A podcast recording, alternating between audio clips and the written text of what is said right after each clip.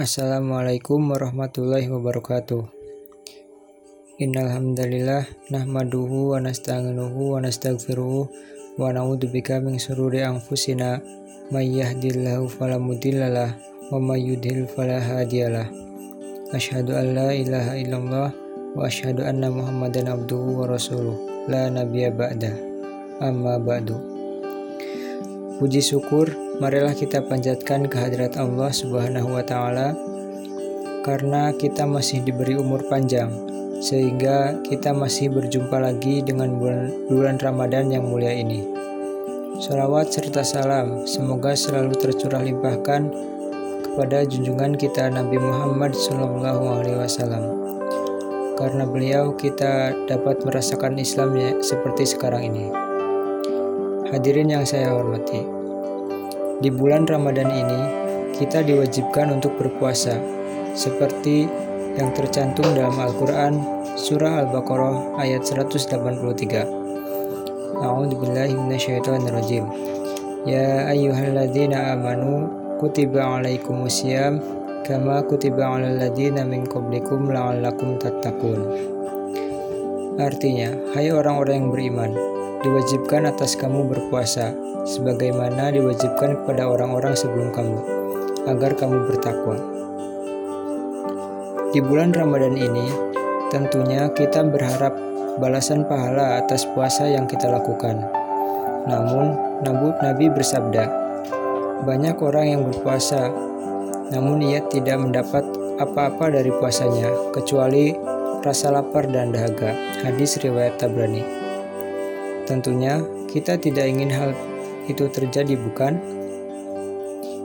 Hadirin yang saya hormati, pahala puasa dapat gugur oleh perbuatan kita yang kita lakukan ketika kita sedang berpuasa. Di antaranya, yang pertama adalah berkata kotor. Puasa merupakan pendidikan bagi seorang Muslim agar menjadi manusia positif, baik pikiran, perkataan, maupun perbuatan.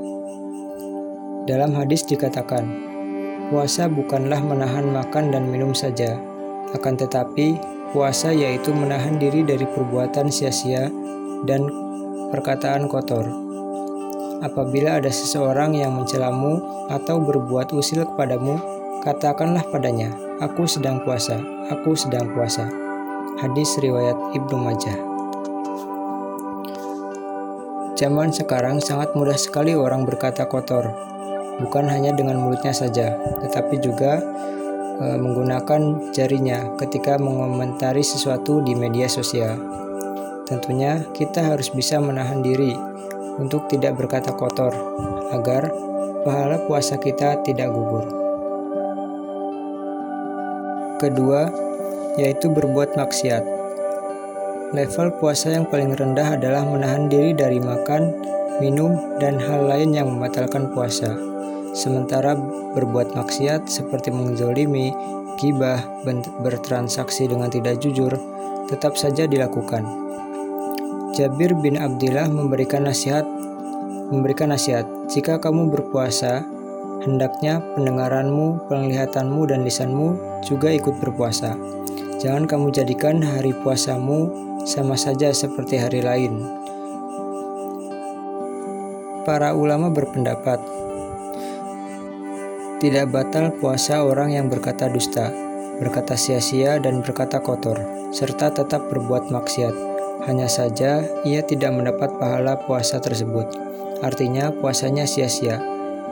Begitupun ia tidak akan mendapat esensi serta tujuan puasa itu sendiri, yakni membentuk pribadi-pribadi yang mutakin. Hadirin yang saya hormati, Semoga kita semua bisa terhindar dari perbuatan-perbuatan yang dapat mengukurkan pahala puasa kita, sehingga kita dapat memaksimalkan ibadah puasa di tahun ini. Sekian yang dapat saya sampaikan, kurang lebihnya mohon maaf. Billahi fisabilil haq, fastabikul khairat.